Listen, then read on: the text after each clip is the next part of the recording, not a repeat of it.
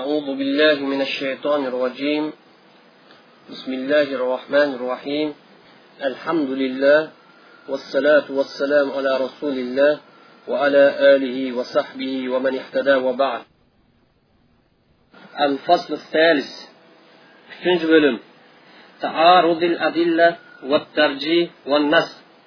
dalillar bir biri qarshi kelib qolsa qanday qilamiz. dalillarni qaysi asos kuchlantiramiz mansuh degan nima? Qaysi asosda mansuh bo'ladi degan temalar haqida to'xtalamiz. So'z shar'iy dalillar orasida qarama qarshilik yuz berdi deganlikning usul fiqi temasidagi ma'nosi dalillar bir biriga zid kelib qoldi deganlikdir. Ya'ni shar'iy dalil muayyan bir masalada muayyan bir hukmni taqozo qiladi. Yana bir dalil shu masalaning o'zini boshqa hukm taqozo qiladi deganlikdir. Bir dalil mustahab degan ishni yana bir dalil makruh yoki joiz deydi deganga o'xshash.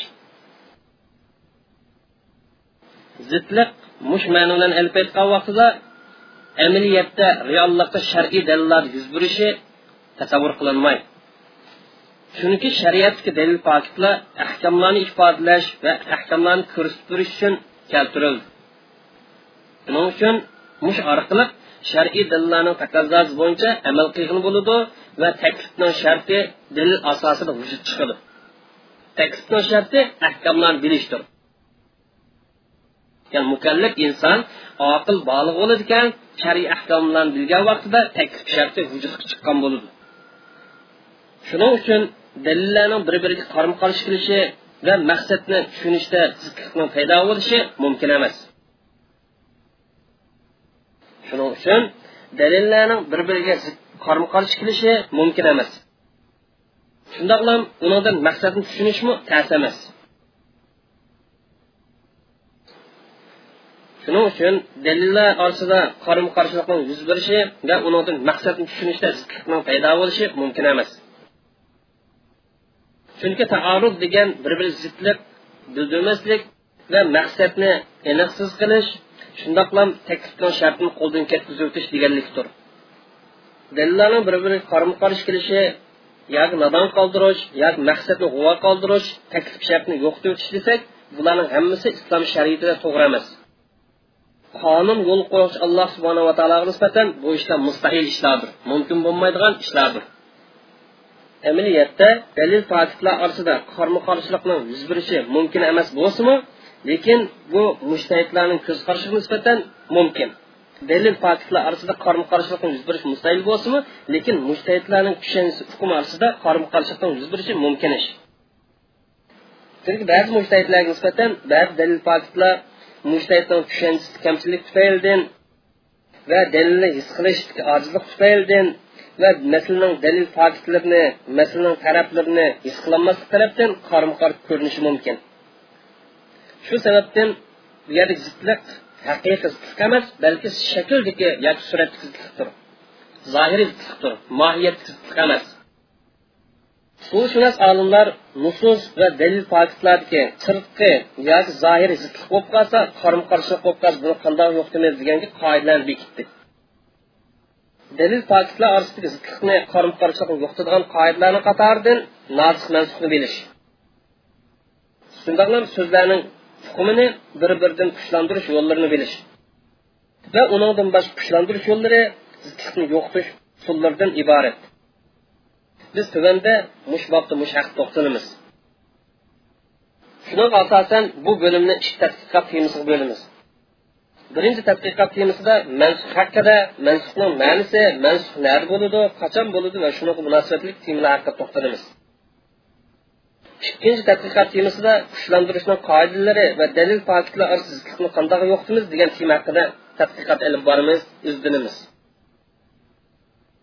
al mabhas al avval birinchi bo'lim. An nas mansub qilish haqida nasxning lug'atlik ma'nosi yo'q qilib o'tish hukmni yo'tga o'tish degan ma'noda. Nasxning lug'atlik ma'nosi yo'q qilib o'tish yo'tga o'tish degan ma'noda.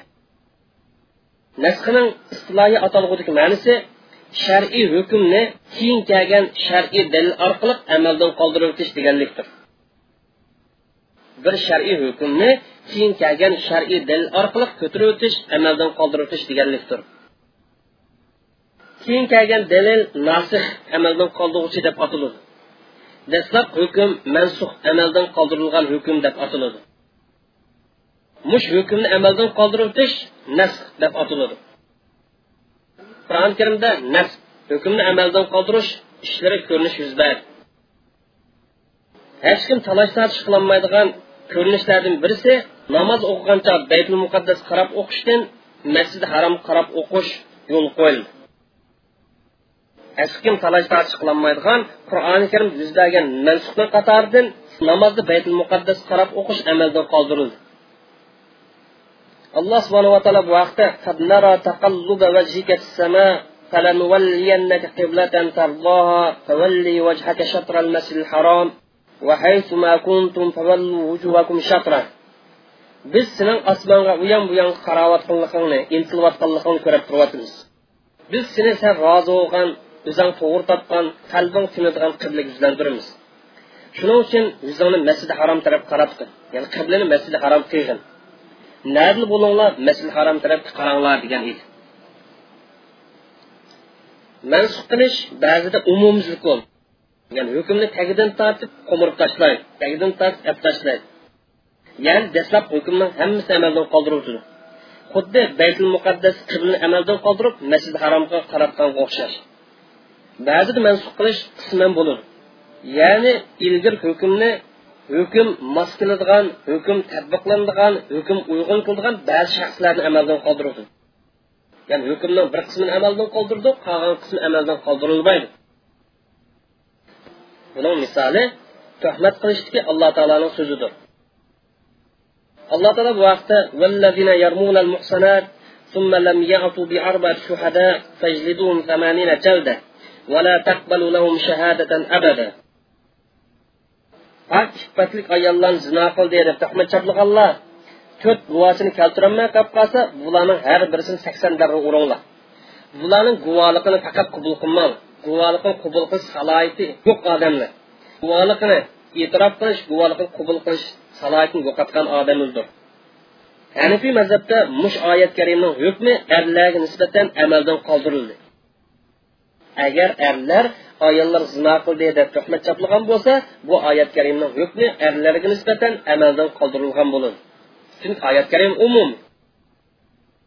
Pok sifatlik ayollar tuhmat chaplaganlar mayli o'zining ayoli bo'lsin yoki boshqa ayollar bo'lib qolsin zino qildi deb tuhmat chaplasa pok keltiramisa bularni sakson darra urug'lar degan. Mush hukmdan erlar istisno.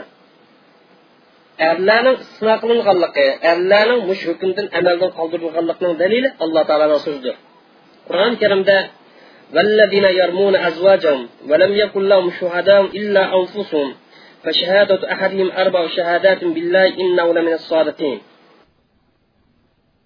ayollarga sino qildi deb tuhmat chaplaganlar o'zlaridan boshqa pok topolmay qolib qolsa bularning bir to'rt qatim alloh bilan man rostchil rost davtiman ayolim zino qildi deb to'rt qatim xudo bilan guvohlik berdi degan. Mush oyat kalima yuqorqi oyatning bir qismini amaldan qoldirib o'tgan. Shuning uchun har kishi ayoliga zino qildi deb tuhmat chaplasa kishi pok ko'rsatanmasa u vaqtida kishi ayoli bilan la'nat aytishi la'nat aytish deganlik kishi qozining oldida sudchining oldida to'rt qatim olloh bilan qasam qilib ko'rdi. Nima deb desa man rostchil ayolimiz zino qildi degan gapimni man rostchil deb qasam qiladi beshinchi qatimliq qasmida agar man yolg'onchi bo'lgan bo'lsam man allohning la'nati yog'sin deb qasam qiladi tuhmat qilingan ayol kishini to'rt qatim erim men zino qil degan gapida yolg'onchi deb to'rt qatim qasam qildi beshinchi qatimliqida bu ayol agar erim rasululloh man yolg'onchi bo'lgan bo'lsam allohni g'azabi yog'sin deydi. Demak buni er ayollar orasidagi la'nat aytishish deymiz er ayollar orasida la'nat aytish bo'lib qolsa qozi bu ikkalarni orasini ayirib bu ikkalani yarashtirgan qanday yo'l qolmaydi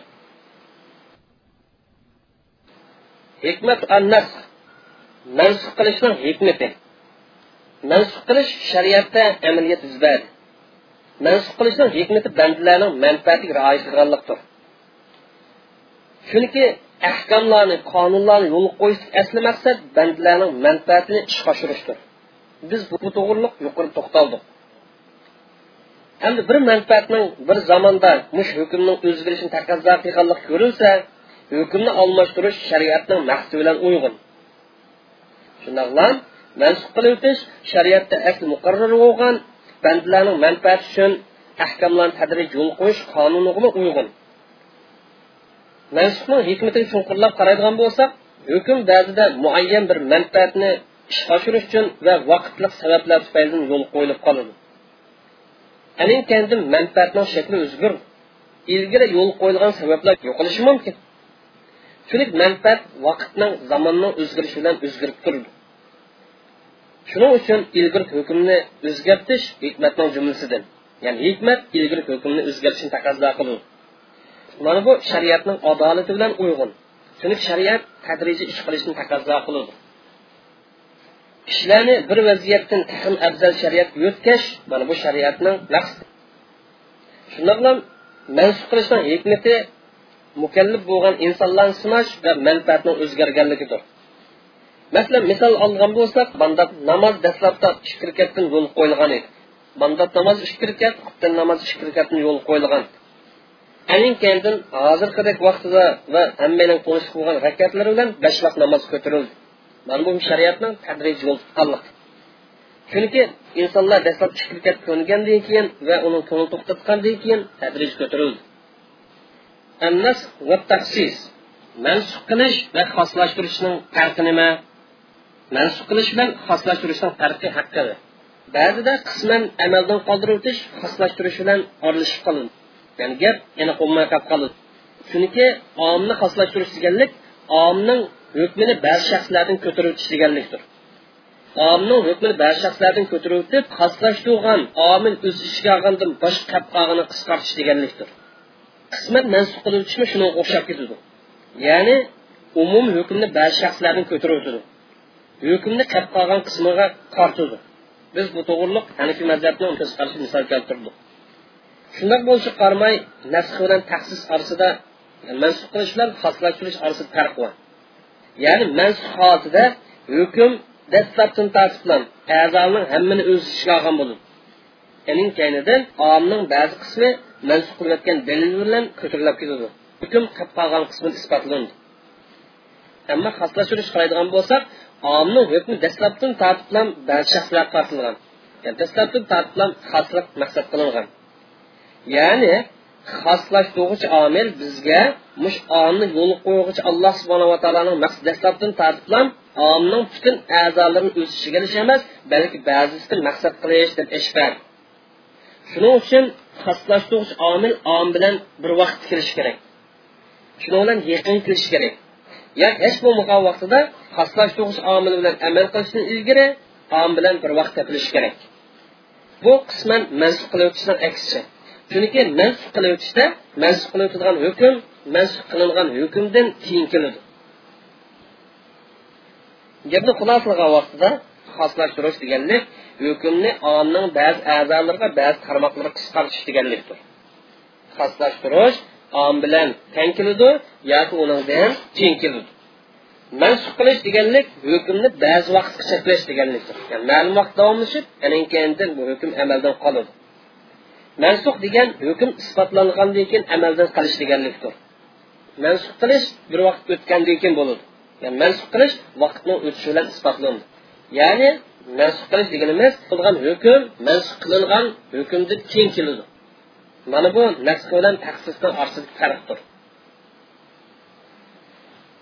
Anvaun nasx mansub qilishning turlari haqida.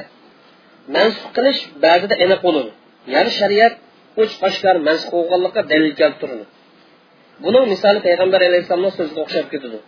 Payg'ambar alayhissalom kuntu qad nahaytukum an ziyaratil qubur ala tazuruha fa inna tudakkirukum al akhirah man sizlarni qabristonlikni ziyorat qilishdan cheklagan edim.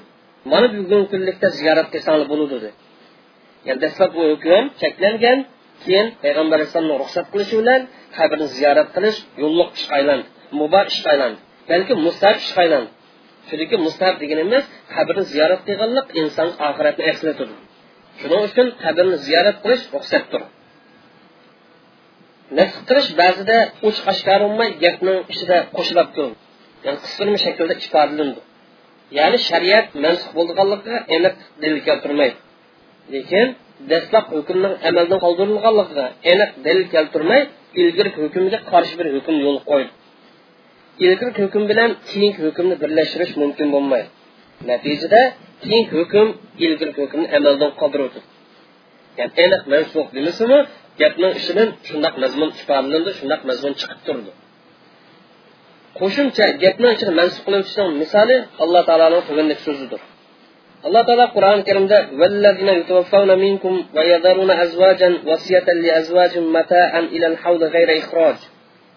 sizlardan kim o'lib ketib ayolini qoldirib o'lib ketgan bo'lsa ayollarga bir yilgacha uydan chiqarib o'tmay bir narsa berishga vasiyat qilish kerak degan. Sizlardan kim o'lib ketib ayollarini qoldirgan bo'lsa bir yilgacha ayollarining nafaqasini ko'tarishga vasiyat qilish kerak. Shuning qatorida iddat tutayotgan ayol uydan chiqarib bo'lmaydi degan. Bu oyat karima qaraydigan bo'lsak er o'lib ketgan ayolning iddati to'liq bir yil iddat tutadi deganlik hukmni chiqarib berdi. Er ketgan ayolning iddati to'liq bir yil degan hukmni ifodalab berdi. Bu hukm islomning avvalda joriy bo'lgan. Aning kaynidan alloh taoloning so'zi orqali amaldan qoldirilgan. Alloh taoloning so'zi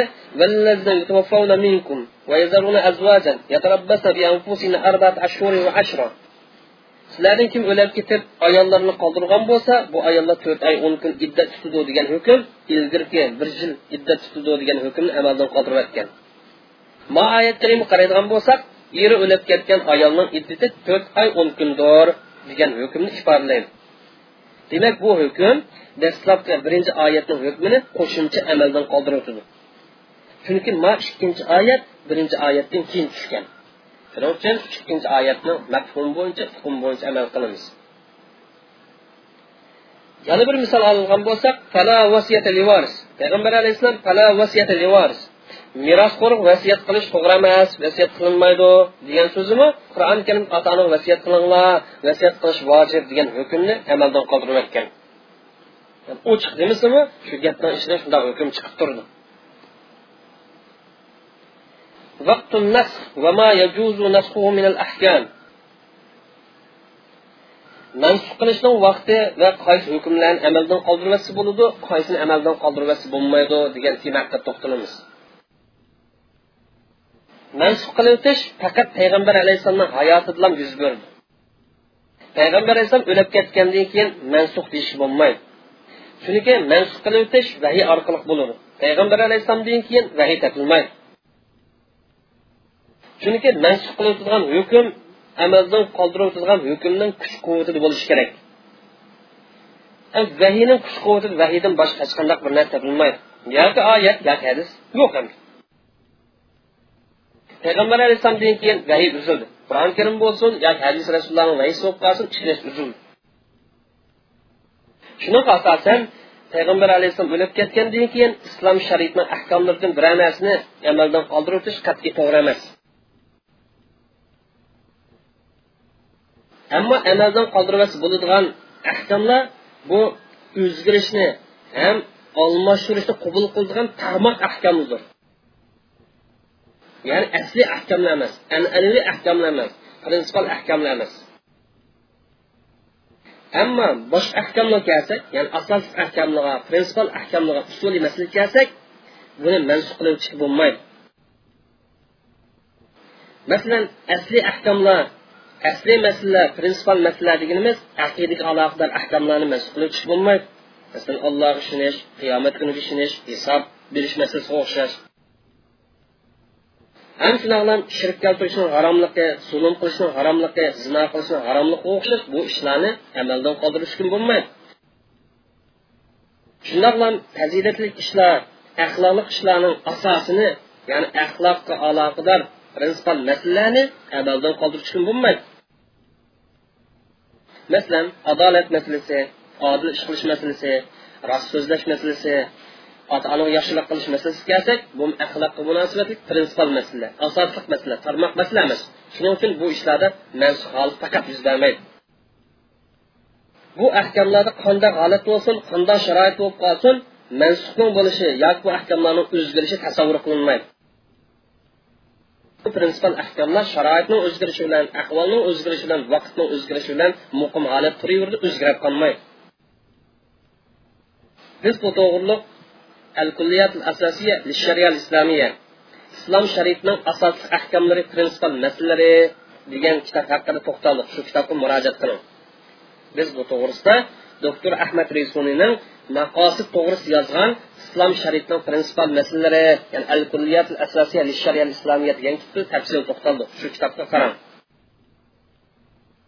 Shundoqla islom shariatida mangulik deb ifodalangan vaqtliq deb ko'rsatilmay balki mangulik deb ifodalangan tarmoq ahkamni bo'lib qolsin tarmoq bo'lishi qaramay amaldan qoldirish bo'lmaydi. Masalan payg'ambar alayhissalom val jihad madin ila yawmil qiyamah. Jihod qiyomat kunigacha davomlashadi deb qiyomat kunigacha bu ahkomni o'zgarmaydiganligini qiyomat kunigacha hech qanday ahvol amaldan qolmaydiganligini ifodalab bergan ko'rsatib bergan. Garchi bu ahkam fariy ahkam bo'lib qolsinmi shundoq ham ilgari ummatning axborlarini xabarlarini voqealarini amaldan qoldirish to'g'ri emas. Yuqori deganimizdek mangulikni ifodalaydigan nasli kelgan bo'lsa buni amaldan qoldirish to'g'ri emas. Ma bihi amaldan qoldirish durust bo'lgan ishlar. Amaldan qoldirish mansub qilish joiz bo'lgan narsa haqida. Mansub qiluvchisini bir qoidasi mansub qilib dalil mansub qilingan dalilning kuch quvvati barobar bo'lishi yoki undan kuchliroq bo'lishi kerak. Ham shundoqlam mansub qilib dalil mansub qilingan amaldan qoldirilgan hukmdan keyin kelishi kerak. Buningda ilgari kelib bo'lmaydi deydigan qoida bor. Mush qoidadan bir necha qoida tarmoq qilinib chiqdi. Shunaqa munosabatlik bir necha natijalar chatildi bog'landi. Birinchi qur'oni karimning nususlari qur'oni karimning oyatlariga qaraydigan bo'lsak qur'oni karimning oyatlarini oyat orqali mansub qilish durust. Chunki hammasida kuch quvvati o'rtaq ikkinchi qur'oni karimni mutavotir darajada sunnat bilan amaldan qoldirish durust. Ham aksim durust. Ya'ni qur'oni karim orqali mutavotir sunnatni amaldan qoldirishmi durust. Chunki mutavotir sunnat isbotlanishda ham manbaning birligida qur'oni karimga o'xshash ya'ni u vahiydir uchinchi xabar ohatini sunnat ohatini ya'ni mutavotir darajasiga yetmagan yoki hanfiy mazhab bo'yicha mashhur darajasiga yetmagan xabar ohatini xabar ohat bilan amaldan qoldirib o'tish yoki undan kuchliroq dalil bilan amaldan qoldirib o'tish durust. To'rtinchi. Ijmo qur'oni karim yo sunnatning dalilini amaldan qoldirib o'tolmaydi chunki nas dalolat qat'iy bo'lib qolsa uning aksicha ya'ni dalolat qat'iy bo'lgan bir hukmning aksicha ijmo qilish mumkin emas. Ham nasning dalolati hukmi ko'rsatmasi vanni kuchli ehtimolli bo'lib qolsa ijmo mush kuchli ehtimollikning aksicha borliq kelgan bo'lsa buning ma'nisi fuqaroning nazarda dalolati ehtimollik asosida bo'lgan dalil qarshi ijmo kelgan fuqaroning nazarida boshqa bir dalilni topilganligidir. Yani nima uchun bu yerda dalola g'ammiya bo'lsin kuchli ehtimol ega bir dalil bo'lib qolsin shuni qarshi ijmo kelganlarsa fuqaro deydiki buni qarshimi yana bir dalil va shu asosda shu dalil asosida birlik keldi ijmo keldi degan bo'ladi. Shunaqa bo'lgan ijmo shakllangan dalil ilgir hukmni amaldan qoldirayotgan bo'ladi qandaqdir bir ijmoni o'zi u hukmni amaldan qoldirayotgan bo'lmaydi u narsa amaldan qoldirganlik bo'lmaydi beshinchi qur'oni karim va sunnatning naslari ya'ni oyat kalima va hadis rasululloh ijmoni amaldan qoldirib o'tolmaydi chunki amaldan qoldirib o'tilgan hukm amaldan qoldirilgan hukmdan keyin kelishi kerak. Kitob sunnatning nususlariga qaraydigan bo'lsak ijmoning oldida. Ijmo shar'iy dalil sifatida payg'ambar alayhissalom o'lib ketgandan keyin hujjat deb qaraldi. Uni ustiga ijmomi qur'oni karim va sunnatning asosida shakllanadigan narsa. Shuning uchun ijmo amaldan qolmaydi. Oltinchi. Qur'oni karim yoki sunnat yoki qiyos asosida borliq kelgan ijmoni boshqa bir ijmo bilan amaldan qoldirib o'tish to'g'ri emas. Ammo manfaat asosida borliq kelgan ijmo bo'lib qolsa buni yana bir ijmo bilan amaldan qoldirmasak bo'ladi. Ya'ni manfaat o'zgargan bo'lsa boshqa bir ijmo bilan amaldan qoldirish durust. Ammo manfaat ustiga qurilgan ijmo kelsak manfaat o'zgargan bo'lsa boshqa bir ijmo bilan amaldan qoldirish durust. Endi bu yerda manfaatning vujud chiqishi manfaatning chiqashi boshqa bir hukmga ijmo kirish bilan bo'ladi deb qaralgan bo'lsa durust. Ya'ni boshqa ijmo kelmasak boshqa ko'z qarash bo'lmasa bu yer manfaat ish chiqashmaydi deb qaralgan bo'lsa u vaqtda durust. Yettinchi. Qiyos qur'oni karim yoki sunnat yoki ijmoning nafsini amaldan qoldirib o'tolmaydi. Yoki qur'oni karim sunnat yoki ijmoning nafsi bilanmi amaldan qoldirilmaydi chunki qiyos deganimiz qur'oni karim sunnat yoki ijmodan dalil topilmagan hukm shundoq qiyosning sharti yo qur'oni karimga yo sunnatga yo ijmodan hech qanday bir narsaga xilof kelmaslik kerak qilingan qiyos qur'oni karimning nafsiga yoki hadis rasulullohning nafsiga yoki ijmoninki hech qanday birisiga talab kelmaslik kerak deganlikdir. Agar qiyos qur'oni karim sunnat yoki ijmo qarshi kelib qolsa bu qiyosni e'tibor qilish to'g'ri emas. Sakkizinchi. Qiyos yana bir qiyosni amaldan qoldirmasa bo'lmaydi. Chunki qiyos fikr ijtihod qo'yilgan narsa. Fikr ijtihod shu natijaga yetgan mushtahidga nisbatan hujjat.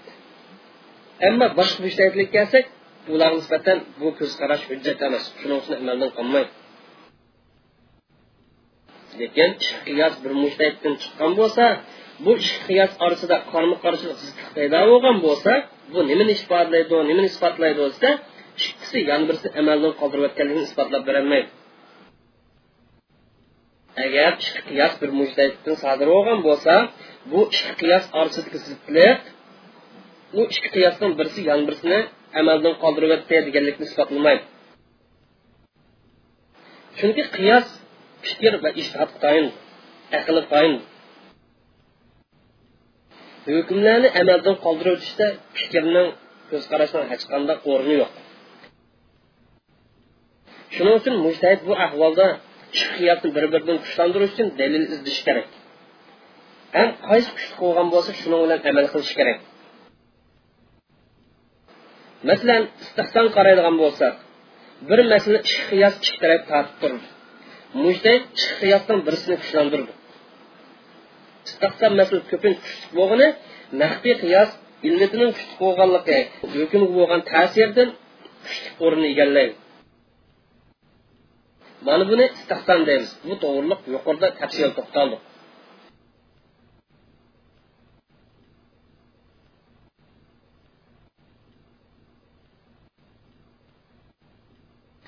المبحث الثاني ikkinchi bo'lim التعارض والترجيح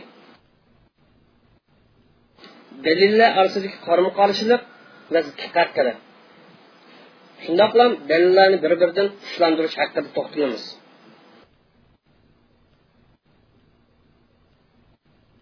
biz bu tema haqida to'xtalishdan ilgari yoki darsni boshlashdan ilgari jumhurlarning nazarida dalillar bir biriga qarshi kelib qolsa jumhurlar qandoq muomala qilib hal qiladi hanifiy mazhab qandoq qilib hal qiladi degan bu tema haqida to'xtalish lozim.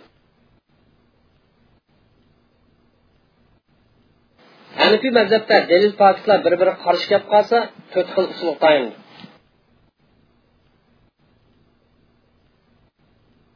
hanifiy birinchi qilib mansub qilish usulini qo'llandi agar ikki dalil yoki uch dalil bir biriga qarshi kelib qolsa mansub qilish usuli tayin mansub qilish deganimiz mushtahid ichki narsaning tarixi haqida izdan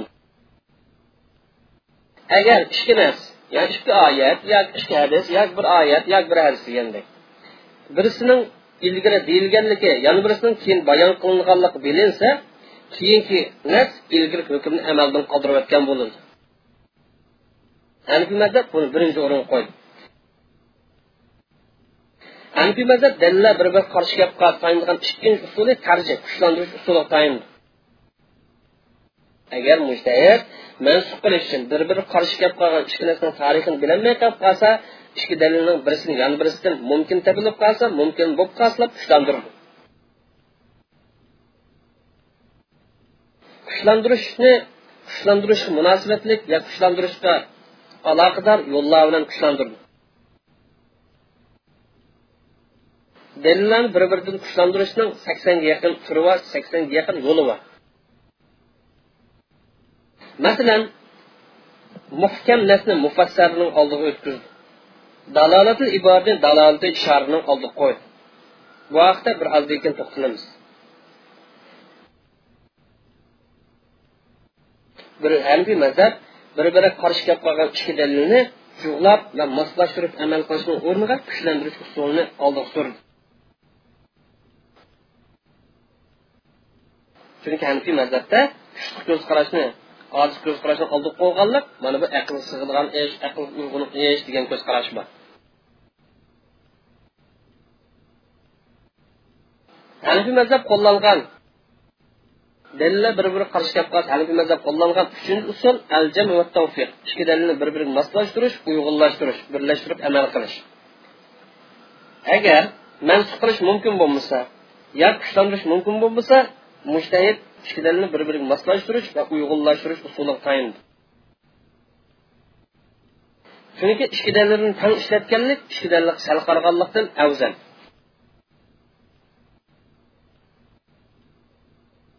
hanifiy mazhab dalillar bir biri qarshi kelib qolsa ishlatgan tutgan to'rtinchi yo'li ikki dalilni tang amaldan qoldirib o'tish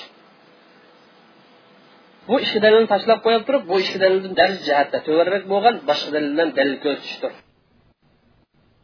Ya'ni ikki dalil bir biri qarshi kelib qolsa yuqori yo'llar orqali hal qilish mumkin bo'lmay qolib qolsa u vaqtida bir biri qarshi kelib qolgan ikkili dalilni amaldan qoldirib ikkili dalil bir bir qarshi kelib qolganlik uchun amal qilinmaydi. Shu vaqtda mushtahid bu ikki dalildan to'varak darajada turadigan dalildan dalil ko'rsatdi. Mushtahid bu ikki dalildan to'varak dalilga tayinish sabab chunki yuqori dalil bilan dalil amal qilish tashqi chiqqan ya'ni bu ikki dalil bir biri qarshi kelib qolganlik sababli amal qilgan bo'lmaydi. Ham bir biri qarshi qilgan ikki dalilning birisidan amal omil bo'lmasa bu kuchlantirg'isiz kuchlantirganlik bo'lib qoldi. Bu shariat uyg'un bo'lmaydi. Kuchlantirgancha cho'qim illat asosi dalil asosi shar'iy yo'l asosida kuchlantirish kerak. Mana bu to'rt usul hanifiy mazhabning dalillar bir biriga qarshi kelib qolgancha qo'llanadigan usulidan iborat.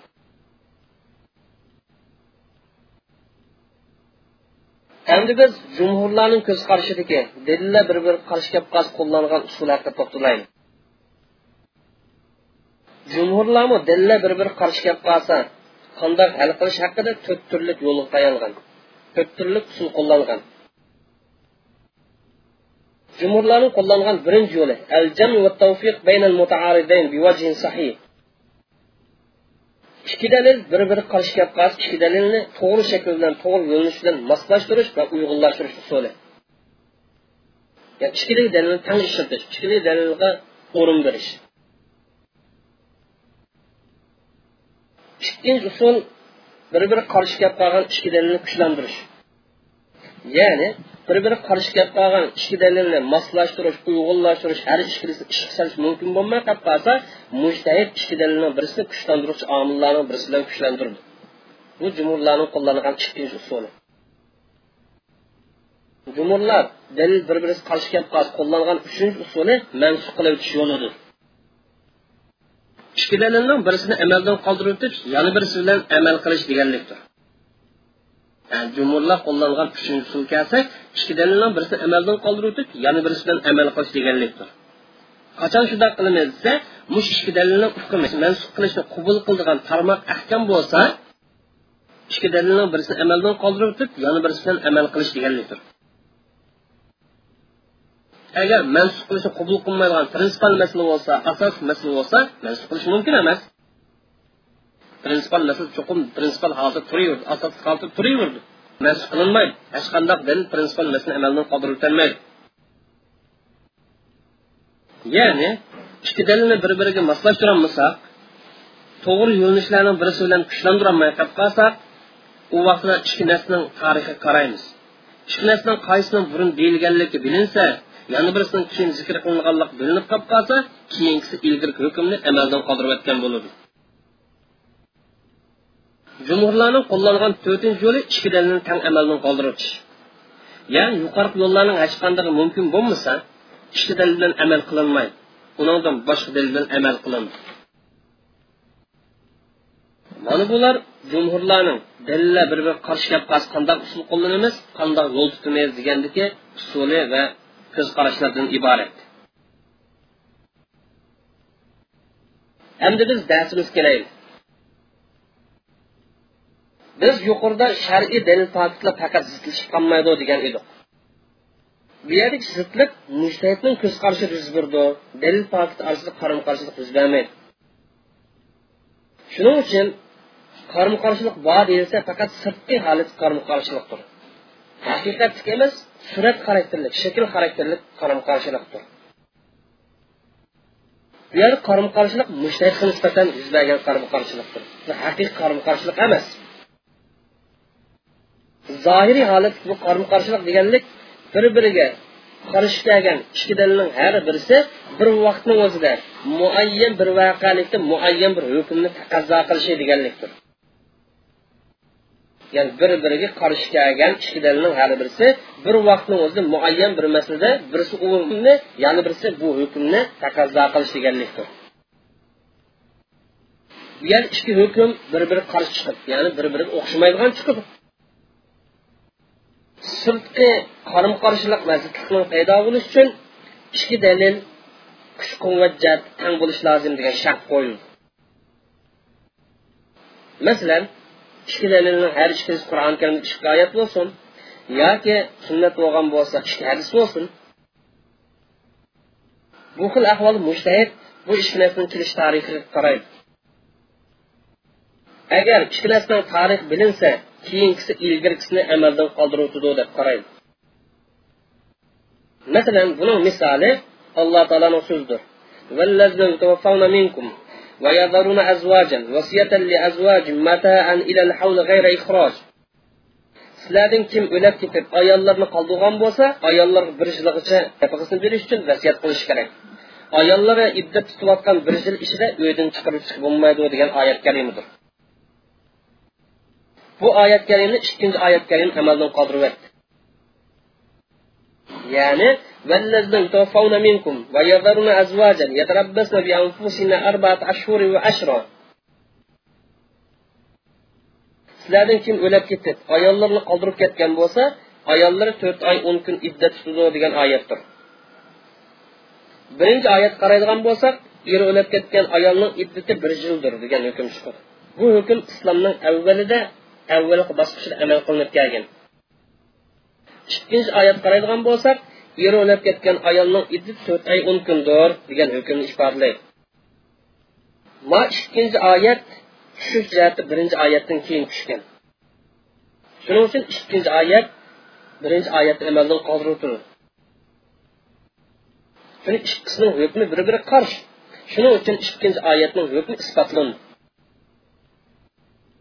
Abdur bu masalada dalillar bir biriga qarshi kelib qolsa qandoq yo'l tutamiz degan masalada hanifiy mazhabdan yo'l tutib kelgan.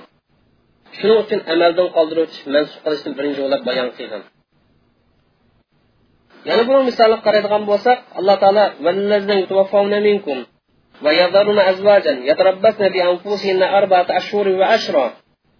sizlardan kim o'lib ketib ayollarni qoldirib ketgan bo'lsa ayollar to'rt oy o'n kun saqlaydi iddat tutadi degan oyat karimidir yana alloh taolo qur'oni karimda va ulatil ahmal ajalahunna ayyadana hamlahunna. Homildor ayollarning iddati homilsini qo'yash bilan tugaydi degan oyat karimdir birinchi oyat qaraydigan bo'lsak yo'lab ketgan ayolning iddat to'rt oy o'n kun degan hukmni berdi. Bu oyat iddat tutadigan ayol eg'ir yoqmi yoki eg'ir yoq emasmi buni taqiqlantirmaydi.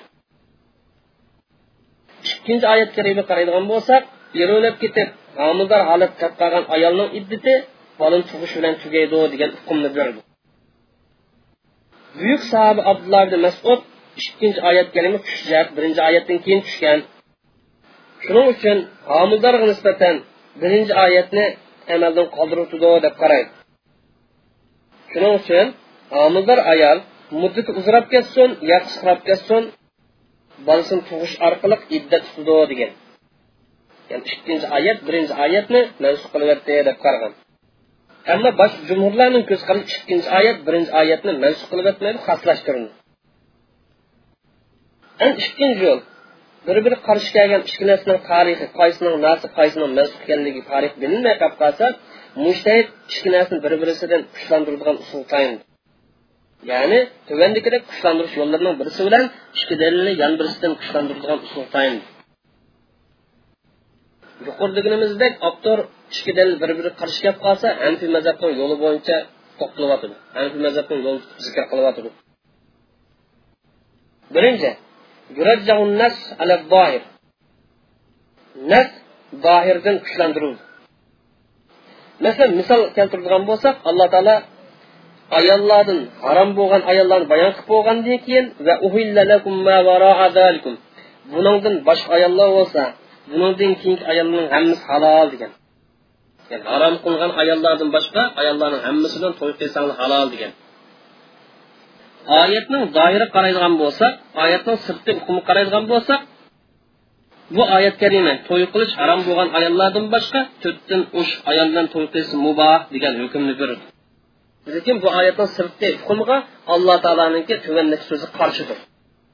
Alloh taolo qur'oni karimda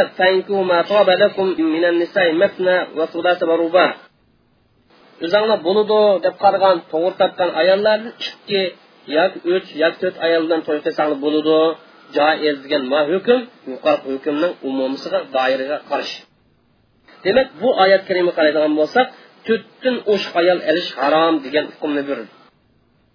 Demak ma oyat karima birinchi oyatning doir sirti hukmidan kuchlantirildi shuning asosan to'rtdan o'sh ayolni elish harom bo'ladi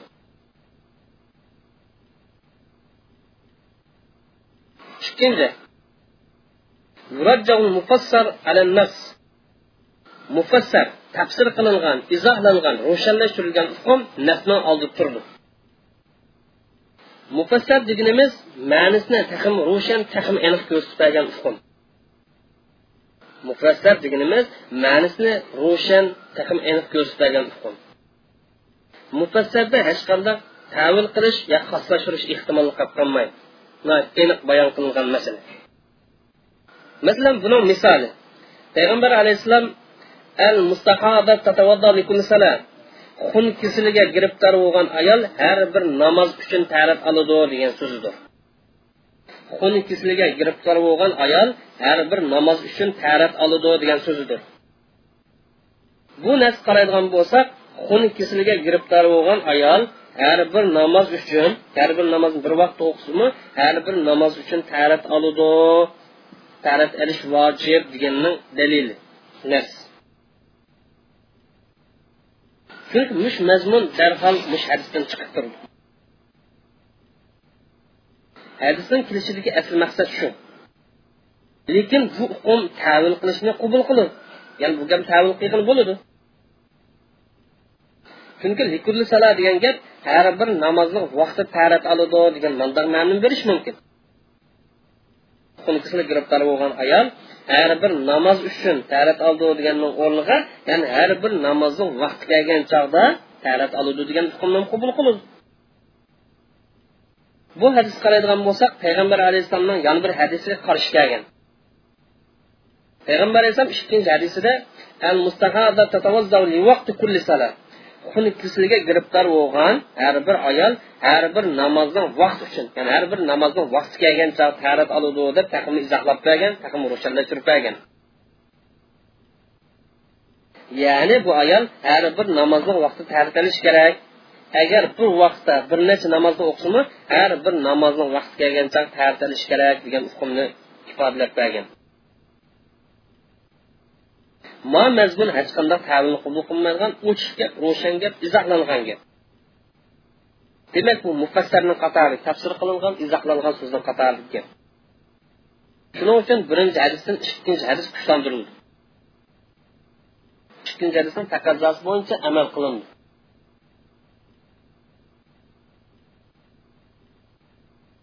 Birinchi hadis namozni yolg'iz o'qimdi yoki juplab o'qimdi har bir namoz uchun ayrim tarat oladi degan hukmdir buni tavil qilib qolib qolsa tavilni qabul qildi ya'ni har bir namozni vaqt kelgancha tarat oldi degan hukmdir lekin ikkinchi hadisda aniq qilib har bir namozni vaqti kelgancha tarat oldi degan.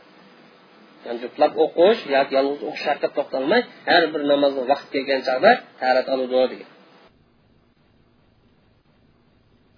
شنجة يرجع المحكم على ما سوى ظاهر أو نص أو مفسر. ظاهر دين نص دين ياك مفسر دين كشلان محكم دينمز سيغس أرقلق ياك لفظ أرقلق معنى سنائب إنك كشلت حالتك كوسط كالسوزو ya'ni mufassar ko'rsatgandimi mufassar ifodalagandim jonliq holat ifodalagan so'zdir.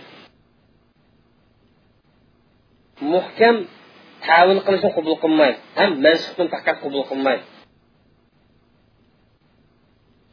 Masalan buni misol keltiradigan bo'lsak alloh taoloning so'zi misoldir. Uningdan boshqa ayollarni olsanglar bo'ladi degan oyat karima. Bu zoir bu oyat kalima yuqorida bayon qilingan nikoh qilish harom bo'lgan ayollardan boshqasidan to'y qilish halol degan dalil demak bumi payg'ambar alayhissalom o'lib ketgandan keyin payg'ambar alayhissalomni ayollari bilan to'y qilish muboh degan hukmni o'z ichiga lekin alloh taoloni وما كان لكم أن تؤذوا رسول الله ولا أن تنكحوا أزواجه من بعد أبدا sizlarning rasululloh azob berishinglar to'g'ri emas ham rasululloh o'lib ketgandan keyin rasulullohning ayollari bilan nikohlashinglarmi halol emas degan so'zni kelsak payg'ambar alayhissalom vafot bo'lib ketgandan keyin payg'ambar alayhissalomning ayollari bilan nikoh qilishning haromligida aniq dalolat kuchli hukmdir. Shuning uchun bu oyat karima birinchi oyat kariminiki oldi turdi undan kuchli holat turdi shuning uchun payg'ambar alayhissalomni ayollarini nikoh qilish harom degan hukm chiqadi. hukm chiqadi to'rtinchi يرجع الحكم الثابت بعبارة النص على الحكم الثابت بإشارته nasning iborati bilan nasning lafzi bilan isbotlangan hukm nasning ishorati bilan isbotlangan hukmdan kuchlantirildi iboratun nas deganimiz bir so'zning shu so'zning siyg'isidan chiqib bo'lgan bir ma'no bo'lgan ko'rsatmasi iboratun nas emas bir so'zning shu so'zdan darhol chiqib turadigan bir ma'noga bo'lgan ishorati maqsad. Mayli mush mazmun shu so'zning o'zini asli holat maqsad qilinsin yo tava holat maqsad qilinsin shu so'zni darhol kalla turadigan hukm buni ham dalolatli ibora iboratning ko'rsatmasi iboratninki hukmi deb atash bo'lib ham shundoq atiladi dalolatli ishora yoki ishorat nas deganimiz so'zningki gapning siyoqidan maqsad qilinmagan bir ma'noni ko'rsatishi. Bir so'zningki gapning siyoqidan ko'zlanmagan maqsad qilinmagan bir mazmun ifodalanishi. Ishorat nas deganimiz bir so'zning nafsning siyoqidan asli holat bo'lsin yo tava holat bo'lsin maqsad qilinmagan bir mazmunni ko'rsatib berishidir. ishoratun nas ham dalal ishora deb otiladi lekin ishoratun nas deganimiz gapning siyoqidan qo'shimcha bir gap qo'shimcha bir hukm chiqib turdi. Gapning kelish sababini asli holatda yoki qo'shimcha maqsad qilinmasmi lekin gapniki taqazosidan chiqib turdi. Gapning ishoratidan bilinib turdi. Misol keltiradigan bo'lsak alloh taolo qur'oni karimda ya ayyuhallazina amanu kutiba alaykumul qisosu fil qatla ey mo'minlar o'lim hodisasi qotillik hodisi yuz berib qisos olish farz qilindi degan. Yana alloh taolo va man yaqtul mu'minan mutaammidan fajaza'uhu jahannam kholidan fiha. Kim mo'minni qasddan holat o'ltirmasa buning jazosi jahannamdir u yer mangu qoludi degan. Birinchi oyat qarasak iborati orqali qotildan qisos olish vojib degan hukmni ko'rsatib turdi ikkinchi oyat karimni qarasak ishorat yo'li orqali qasddan qotillik qilgan odamdan qisos ilinmaydi chunki uning jazosi jahannamda mangu qilishdir degan hukmni ko'rdi. Ikkinchi oyat qaraydigan bo'lsak ikkinchi oyat ishorat yo'l orqali jahannamda mangu qilishdan boshqa hech qanday uning jazo belgilanmay jazo yo'q deydigan hukmni chunki bu yerda bir qoida bayon qilish zarur bo'lgan yerda ma'lum hukm bilan cheklanish hasr shu hukmninki doiraganligini shu hukmninki hammalarga nisbatan yig'inchoqlanganligini ifodalaydi deydigan qoida. Bu yerda mashhur hammalarga tonish bo'lgan bir qoida innal ixtisor fi maqomil bayon yufidul hasr bayon qilish zarur bo'lgan yerda bayon qilishni taqozo qildigan yerda hukmninki cheklanganligi shu hukmni shu doira bilan cheklanganligini ifodalaydi deydigan qoida bo'yicha boshqa jazo berilmaydi. Lekin mushu oyatdan kelgan ishorat hukmidan nasdan kelgan aniq hukmni kuchlantirilgan bo'lsa qasddan qotillik qilgan odamdanmi qisos olish vojib degan hukm chiqadi lekin bu yerda dalolatul ibora ya'ni nasdan kelgan hukm ishoratdan kelgan hukmdan kuchlantirildi. va qasddan qotillik qilgan odamdan qisos ilish vojib degan hukm chiqarildi beshinchi يرجع الثابت بإشارة النفس على الثابت بدلالته nafsning ishorati bilan isbotlangan hukm nafsning dalolati bilan isbotlangan hukmdan kuchli turdi ishorat nas deganimiz nafsning siyoqidan maqsad qilingan so'z emas lekin gapninki mazmundan chiqib turadigan qo'shimcha mazmundir dalolat nas deganimiz bir so'zning so'zlangan hukmiga qarta hukmi sukut qilingan masligim o'rtaq har ikkilisi hukmning illat jab o'rtaq bo'lganligi uchun sukut qilingan masligim o'rtaq degan bo'ladi. Dalolati nas deganimiz bir so'zning so'zlangan masala qarta dalolati ya'ni sukut qilingan so'zlanmagan isbotlandi har ya'ni nasdan chiqqan qo'shimcha mazmun qiyos orqali kelgan hukmdan kuchli degan bo'ladi ya'ni bu deganlik nasning dalolati hukmga bo'lgan ko'rsatmasi nasning sig'isidan nasning shaklidan chiqib turmaydi balki nasning ruhi nasdan chiqqan qum ya'ni dalolat nasligimiz bir nasninki hukmi hukmga nasning sig'isi bilan ifodalab bermaydi balki nasning ruhi bilan nasninki moiti bilan ko'rsatib turdi deganlikdir dalolat nas emas nas hukmni nafsning siyg'isini ifodalab bermaydi balki nafsninki ruhi bilan ifodalaydi deganlikdir. Buni misol keltiradigan bo'lsak alloh taolo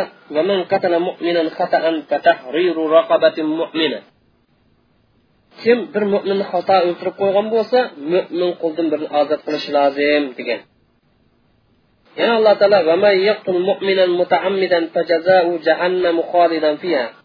kim bir mo'minni qasddan o'ltirayotgan bo'lsa buning jazosi jahannamdir u yer mangu qoludi degan.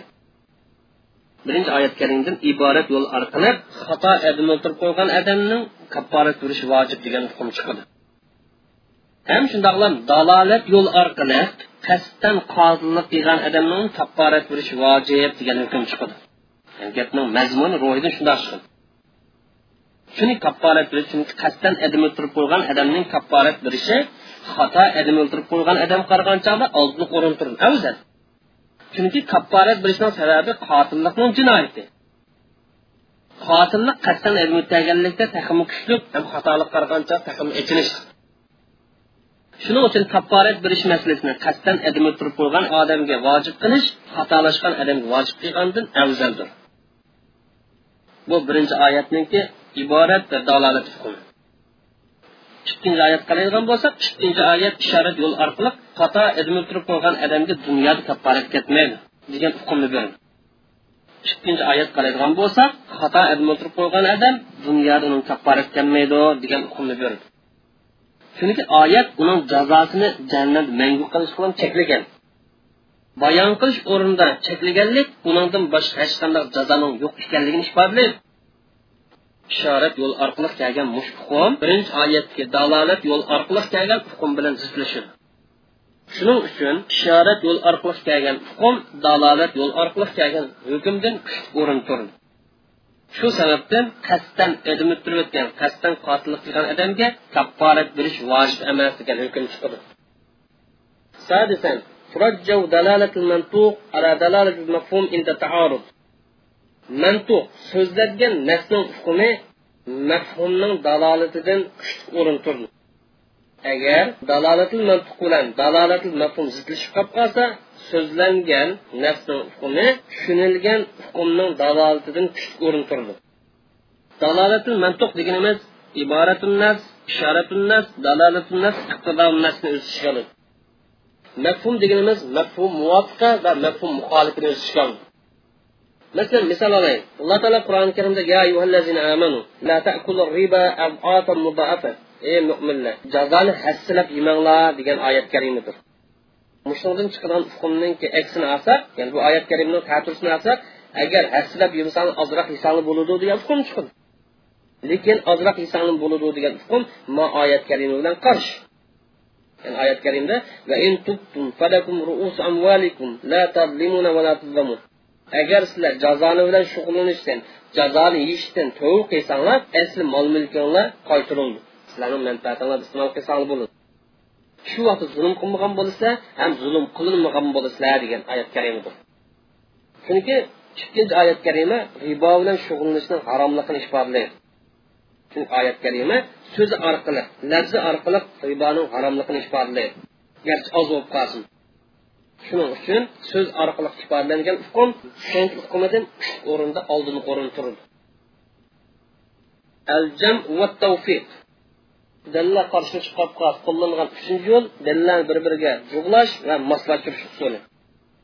Agar qaysi hukmni mansub qilib bilish tars bo'lib qolsa ham yuqorida bayon qilgan yo'llar bo'yicha kuchlantirish usullarini bilolmay qolib uni ikki dalil kuch jihati o'rtaq bo'lgan bo'lsa mushtahid bir yer bir biri qarshi kelib qolgan ikki dalilni moslashtirish uyg'unlashtirish usuliga tayinli ikki dalilni yo'g'lash va muvaffaqiyatlashtirish yo'llarining birisi bilan moslashtirildi ham ishli dalil bilan amal qilindi masalan buni misol qaraylik birinchi misol الله تعالى قرآن كريم ده كتب عليكم إذا حضر أحدكم الموت إن ترك خيرا الوصية للوالدين والأقربين بالمعروف حقا على المتقين sizlardan biringlar o'lim yaqinlashib qolib qolsa sizlardan biringlar sakrab chiqib qolsanglar agar bu odamni mol mulk bo'lgan bo'lsa ota onaga yaqin tuqqanlarga yaxshilikcha vasiyat qilish farz qilindi.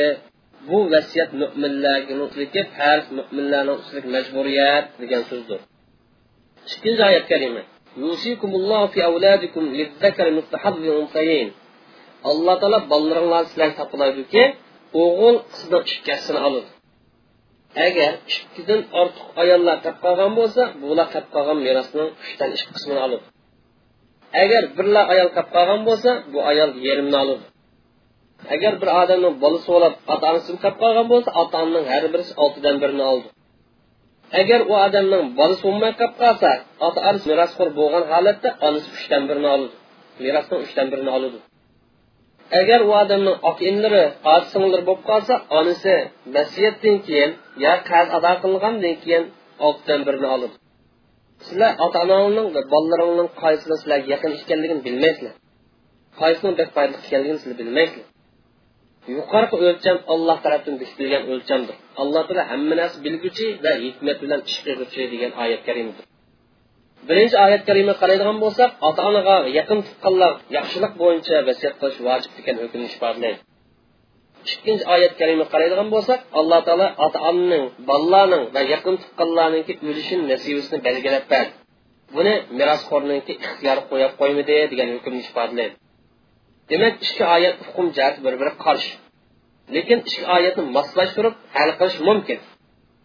Ya'ni birinchi oyatni ota onaga va yaqin tuqqanlarga vasiyat qilish vojib degan birinchi oyat karimini dinning o'xshashmas sababi bilan meros olinmaydigan ota onalarga yaqin tuqqanlarga qarasak bo'ladi ikkinchi oyat karimini yuqorida bayon qilingan ota onalarga qarasak bo'ladi birinchi oyat karimidagi vasiyat qilishning vojibligini dinning o'xshashmasligiga o'xshash meros olinmaydigan ota onalarga va tuqqanlarga olib borsak bo'ladi ikkinchi oyat karimini normal holat ota onalarga tuqqanlarga olib borsak bo'ladi ya'ni merosxo'rlarga qarasak bo'ladi ikkinchi misol. Alloh taolo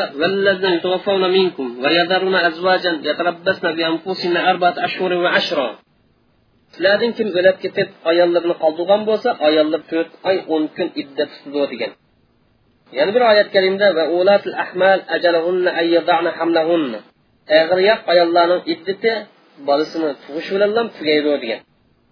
Bir qism fuqarolar ikkinchi oyat karima birinchi oyatni mansub qilib o'tmadi deb qar bir qism fuqarolar ikkinchi oyat karima birinchi oyatni eri o'lib ketib homildor holat qolgan ayolga nisbatan amaldan qoldirib o'tmadi deb qar ya'ni homildor ayolga birinchi oyatniki to'rt oy o'n deb qargan bu oyatni moslashtirib mundoq degan.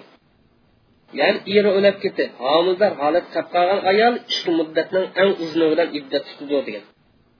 Agar homildor ayol eri o'lib ketib to'rt oy o'n kun o'tashga ilgari bolasini bo'lsa iddatni to'rt oy o'n kun davomlashtirdi degan. Agar bu to'rt oy o'n kun ichida tug'magan bo'lsa iddatda qadar davomlashtirdi degan. Bu bir qism ham bir biri qarshi kelgan dillarni jug'lash va moslashtirishning yo'llaridan agar ikki narsadan birisi om yana birisi xos bo'lgan bo'lsa yo ikki narsadan birisi mutlaq yana birisi muqayyat bo'lgan bo'lsa omni xos bilan xoslashtiramiz xosni xos kelgan amal qilamiz omni undan boshqasida ish solamiz. Mutlaq hukm muqayyat hukm bo'ysundirildi yo muqayyatni o'z o'rniga chiqib solamiz mutlaqni undan boshqa o'z o'rniga chiqib solamiz. Biz bu to'g'riliq om xos mutlaq muqayyat tadqiqot filmlar tafsil to'xtalib shu qarang ham moslashtirishning yo'llarining birisi ikki dalilning birisini yan birisi qarshi kelmagidek darajada tavil qilish masalasi ya'ni boshqa hukm bilan ifodalash masalasi dalil. Dalilning kuchi bilan dalilning kuchli bo'lishi bilan kuchlantirish haqida agar dalillar kuch quvvat jihatda farqilib qolib qolsa qarama qarshi kelib qolgan dalillarni kuchlantirish dalilning kuchiga asosan davomlashadi dalilning kuchiga asosan bo'ladi agar bu kuchlantirish amaliyotda bir biri qarshi kelib qolgan ikki dalilni kuchlantirish bo'lmasimi lekin dalilning kuchiga tayanamiz chunki qarama qarshilik kuch quvvat jihati farqli bo'lgan dalillar bo'lmaydi. Balki kuch quvvat jihati o'xshash bo'lgan dalil faktlar yuz berdi biz bu to'g'riliq bu tadqiqot temasini bilan ishorat qilib tuvandagi yo'llar kuchlantirish yo'llarini qatoridandir. Birinchi qur'oni karimning oyati yoki sahiy hadis sharif qiyosdan kuchlantirildi. Shuni qiyos danni hukm ya'ni kuchli ehtimoliy dalil nas qiyos bilan amal qilinmaydi. Ikkinchi qiyosning aksicha zanni zanniy bo'lgan narsa qat'iy bo'lgan narsa mutavotir hadis xabar ohatning oldida turdi. To'rtinchi taqih mulla odil adam rivoyat qilgan hadis mulla bo'lmagan taqih bo'lmagan odil adam rivoyat qilgan hadisdan kuchlantirildi beshinchi agar ikki qiyos qarma qarshi kelib qolsa ikki qaysi kuchli bo'lgan shuni amal qilamiz. Ya'ni ikki qiyosning birisining illatiga nas kelgan bo'lsa shuni tutib qiyosni qaysi birisi nas bayon qilingan bo'lsa shu kuchli bo'lgan bo'ladi. Agar ikki qiyos bir biri qarshi kelib qolgan bo'lsa ikki qiyosni kuchli amal qilamiz. Masalan ikki qiyosning birisining illati nas keltirilgan bo'lsa bu kuchli hisoblanadi. Yana birisi yakun chiqarilgan bo'lsa aqliy jihatdan yakun chiqarilgan bo'ladi. Yoki illati ta'sir jihati kuchli bo'ladi hukmga munosib kelishda yana birisining bo'ladi. Shu sababdan birinchisi kuchlantirildi. Bir biri qarshi kelib qolgan ikki dalildan yenish masalasi bu qarshi kelib qolgan dalillarni moslashtirishning to'rtinchi turli yo'li agar dalillarni bir biri qarshi kelib qolishni yuqori yo'llarni qaysi biri bilan hal qilgan bo'lmasa mushtahid ikki dalilning birisi bilan dalil ko'rsatishdan ham daraja undan to'g'riroq yana bir dalilni izlashga yo'tkiladi masalan ikki narsa bir birisi qarshi kelib qolsa ikkisini kuchlantirish mumkin bo'lmay qolib mana bu olimlarimizning bir biri qarshi kelib qolgan dalillarni qanday muomala qilamiz? degan haqida to'xtalgan haqiqat temirlar mushundan iborat. Xulosa qilib shundaymizki iboratun nas ishoratun nasdan kuchli. Chunki iborat gapning kelishiga ma'nisini ifodalab turadi yani chunki iborat gapning kelish maqsadini o'z o'zidan ifodalaydi ishorat gapning kelgan maqsadini ilmay balki ishorat yo'li bilan bilim ishorat dalolatdan kuchli. Chunki ishorat deganimiz labz bilan ma'noni ifodalab turadi dalolat deganimiz nasniki hukmi bilan ifodalaydi yuqori bir qism atalg'ularninki arab to'nishtirish tuvanlikicha nas deganimiz madalla bi nafsi labbihi va sighati alal ma'na وكان هذا المعنى هو المقصود الأصلي من ورود الكلام والنص يقبل التعويل الظاهر هو الذي ظهر المراد منه بنفسه أي من غير توقف على أمر خارجي ولم يكن المراد منه هو المقصود أساسا من سياق الكلام. والظاهر يحتمل التعويل والتعويل أي صرفه عن ظاهره وإرادة معنى آخر منه. أم نسلا ظاهر أرس الفرق ما دانسا دلالة النس قمي دلالة الظاهر نو قمي دن كشل نسلا كي منسب وغن قمي ظاهر نو منسب وغن قمي دن كرسات مستن روشن. نسلا منسي جبنن كلشلك أسل مقصد شو zohirning ma'nisi qo'shimcha maqsaddir zohir asli maqsad emas undan boshqa mazmun asli maqsad nas bilan zohir qarma qarshi kelib qolsa nasni zohirdan birinchi o'ringa qo'yamiz mufassar deganimiz madalla ala ma'na dalalatan aktar wuduhan لا يبقى معه احتمال التعويل والتخصيص محكم ديجنمز هو اللفظ الذي دل بصيغته على معناه دلالة واضحة قويا على نحو أكثر مما عليه المفسر ولا يقبل التعويل ولا النسخ أم منطق حكمدك تut atalg'unanki to'nishtirish tuvanlikisi عبارة النفس وهو دلالة اللفظ على المعنى المتبادر فهمه من نفس صيغته. سواء كان هذا المعنى هو المقصود من سياق أصالة أو تبعا وتسمى أيضا دلالة العبارة. إشارة النفس بجنمس هي دلالة اللفظ على معنى غير مقصود من سياقه لا أصالة ولا تبعا. ولكنه لازم للمعنى الذي سيق الكلام من أجله وتسمى كذلك دلالة الإشارة. ثالثا دلالة النفس وهي دلالة اللفظ على أن حكم المنطوق أي المذكور في النص ثابت للمسكوت عنه لاشتراك ما في علة الحكم. يعني دلالة النص دلالة على الحكم لا بصيغة النص بل بروحه ومعقوله ومفهومه. اقتضاء النص دينمز يراد بدلالة اقتضاء النص دلالة اللفظ على مسكوت عنه يتوقف صدق الكلام وصحة على ذلك المسكوت أي على تقدير في الكلام mana bu yuqoriqilar mush dars chiqqan ba'zi atalg'unning arabcha ifodalashi va tunishtirishidan iborat وآخر دعوانا الحمد لله رب العالمين وصلى الله تعالى على خير خلقه أجمعين. ربنا آتنا في الدنيا حسنة وفي الآخرة حسنة وقنا عذاب النار.